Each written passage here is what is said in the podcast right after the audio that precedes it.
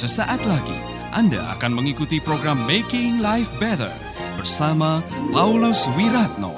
Selama 15 menit ke depan, Anda akan belajar membuat kehidupan lebih baik.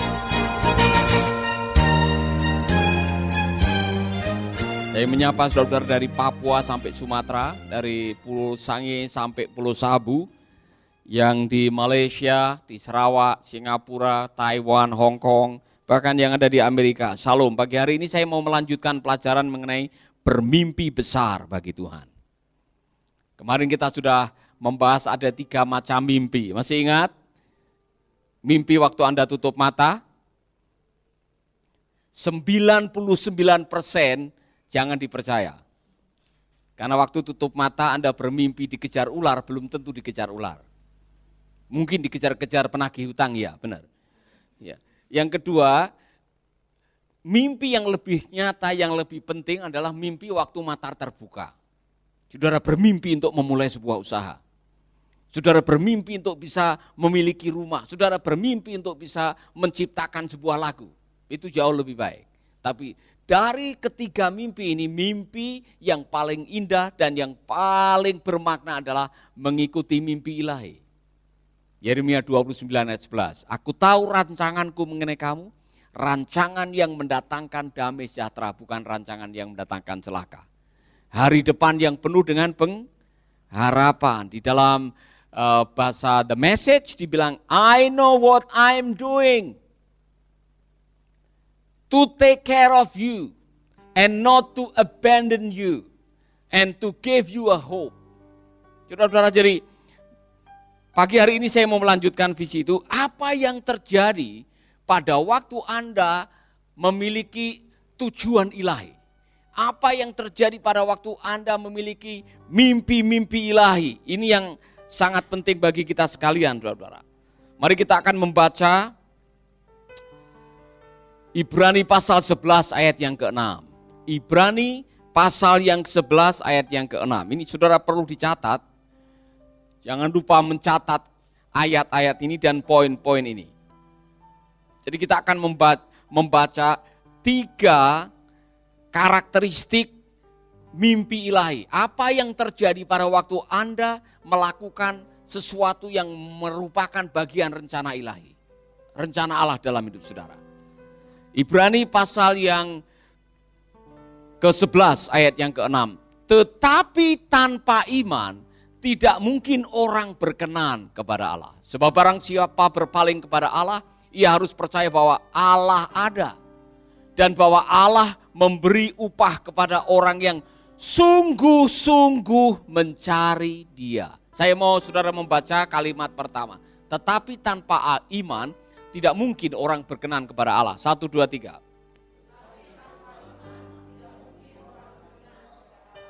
Amin. Jadi ini kebenaran yang pertama yang saudara harus percayai bahwa God cares about what kind of goal you set. In fact, He want three things from your goal. Jadi Allah mendengar, Allah tahu apa yang ada di benak saudara.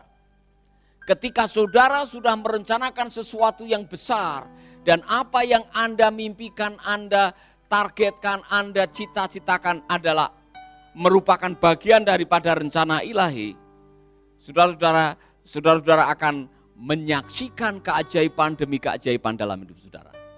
Amin. Haleluya. Nah, karakteristik daripada mimpi ilahi itu seperti apa? Supaya saudara bisa membedakan apakah mimpi saya ini dari Tuhan atau mimpi saya ini karena ambisi pribadi. Yang pertama adalah godly goals challenge your faith. Jadi kalau tujuan cita-cita saudara benar-benar cita-cita ilahi, maka itu akan menantang iman saudara. Kalau apa yang saudara inginkan melibatkan kuasa Allah, melibatkan Oh, provisi dari Tuhan, melibatkan pertolongan Tuhan. Artinya tanpa Tuhan saudara tidak akan bisa meraih itu berarti itu dari Tuhan. Ya kan? Jadi dikatakan di sini saudara bahwa in order to please God, you need to set a goal that require faith. Kalau Anda ingin mem, membuat Allah senang atau to please God, tadi tidak mungkin kita menyenangkan atau berkenan kepada Allah tanpa iman. Jadi cara hidup yang berkenan kepada adalah kepada Allah adalah cara hidup yang melibatkan iman. Maka setiap hari lakukan sesuatu yang melibatkan iman. Karena itu satu-satunya cara untuk hidup berkenan kepada Allah adalah hidup dengan iman. Maka apa pun yang Anda lakukan, tujuan-tujuan yang ingin Anda lakukan, libatkanlah iman saudara. Jadi dengan kita membuat rencana ilahi yang akan Anda lakukan dan itu tidak mampu Anda lakukan, maka Anda sedang melibatkan Tuhan dalam pencapaian cita-cita itu, saudara sedang menyenangkan hati Tuhan. Amin. Ini contoh saudara-saudara, kami rindu masih punya keinginan untuk membuat retirement village untuk hamba-hamba Tuhan contohnya. Kami rindu untuk bisa punya uh, panti lansia untuk para hamba Tuhan. Saya tidak punya uang, saya tidak punya tanah, saya perlu Tuhan. Saya perlu pertolongan Tuhan, maka saya beriman. Waktu saya beriman, saya sedang menyenangkan hati Tuhan. Amin. Pak Pendeta Roni Titahena sedang beriman untuk bisa sewa tanah lima are. Saya sarankan kalau bisa lebih dari lima are. Ya kan? Tanahnya sudah saya lihat di fotonya bagus. Saya tantang, libatkan iman. Jangan mengandalkan manusia. Andalkan Tuhan, berdoa, berpuasa, meminta Tuhan campur tangan, nanti Tuhan akan melakukan keajaiban yang membuat saudara kaget. Wow, ternyata Tuhan bisa melakukan hal yang besar. Amin. Mungkin saudara-saudara sedang beriman untuk punya rumah sendiri. Tidak ada salahnya saudara mulai menggambarkan beriman Tuhan, saya pengen punya rumah sendiri. Tapi saya tidak punya uang, hidupannya pas-pasan untuk makan, ini gaji saya pas untuk makan. Misalkan aja, Terus saudara berdoa, saya pengen melakukan ini. Nah, Tuhan dilibatkan dalam pencapaian tujuan. Maka saudara-saudara, saudara posisikan dirimu setiap hari untuk terus beriman kepada Tuhan. Waspadai ketika tidak ada lagi tantangan dalam hidup saudara. Ah udahlah saya sudah, menurut saya sudah cukup lah. Anda masih bersama Paulus Wiratno di Making Life Better. Kemudian saudara tidak mau beriman lagi, tidak mau tantangan lagi, tidak mau berpetualangan lagi dalam iman, saudara sedang membahayakan iman saudara. Amin. Karena menurut Rasul Paulus, hidup ini adalah sebuah perlombaan. Dan setiap hari harus dilatih. Kalau mau menang lomba, maka harus berlatih setiap hari. Bukan hanya berlatih waktu saudara sedang dalam perlombaan. Contoh, seorang pelari Pelari yang baik tiap hari dia latihan walaupun tidak ada perlombaan. Petinju yang baik dia tiap hari latihan walaupun tidak ada perlombaan. Latihan iman itu penting. Karena latihan iman akan menolong saudara mengasah, menguatkan iman saudara. Amin. If you set a big goal, ini kalimat ini bagus sekali saudara. If you set a big goal, God will work in a big way. Jadi kalau saudara membuat cita-cita atau tujuan yang besar, maka e, Tuhan akan menolong saudara. Dikatakan God will work in a big way. If you set a medium size goal, God will work in medium size way. And if you set a small goal, God will work in a small way. Jadi terserah saudara. Kalau hanya iman kecil-kecil, engkau akan menyaksikan hal-hal yang kecil. Kalau saudara punya tujuan yang medium size, saudara akan menyaksikan yang medium size. Tapi kalau saudara berani bermimpi yang besar, saudara juga akan melihat yang besar. Karena ada ayat bunyinya seperti ini. Saudara-saudara dengar baik-baik. Ini kalimat ini bagus sekali. Di dalam ayat ini dikatakan begini, jadilah seperti imanmu. Katakan kepada teman saudara, jadilah seperti imanmu. Amin. Itu ada di Matius pasal 9 ayat 29.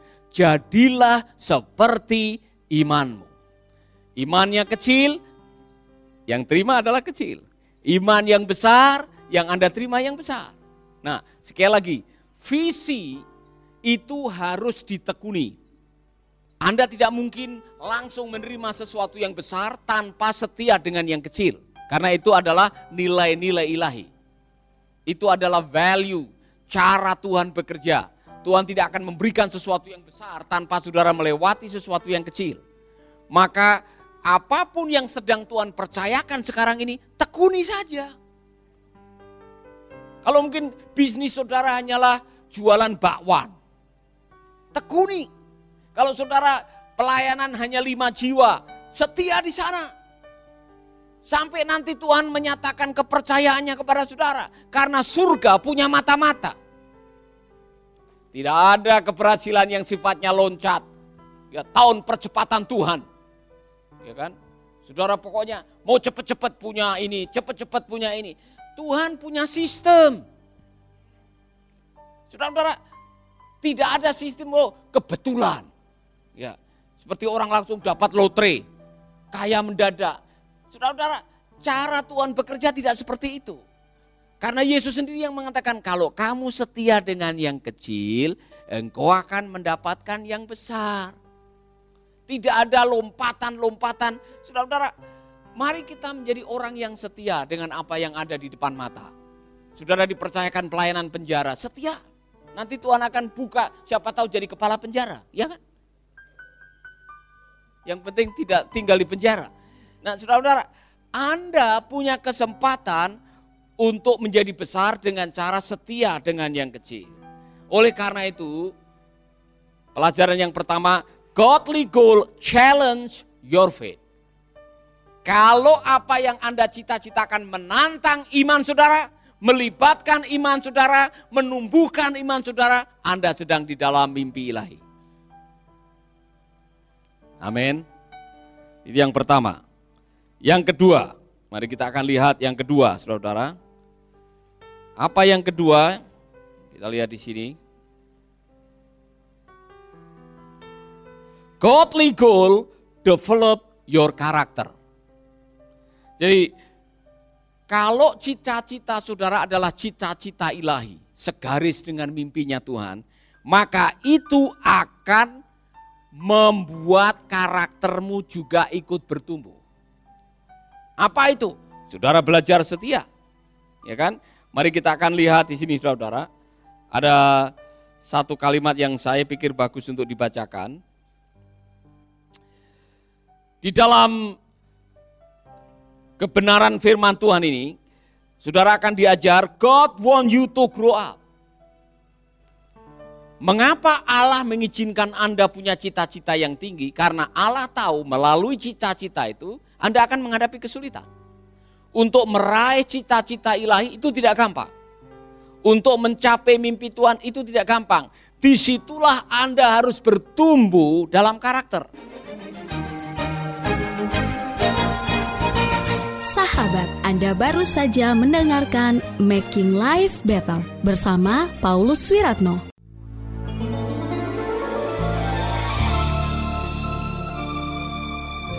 Keluarga Gracia, biarlah firman Tuhan selalu menjadi pelita dalam hidup kita sepanjang tahun ini.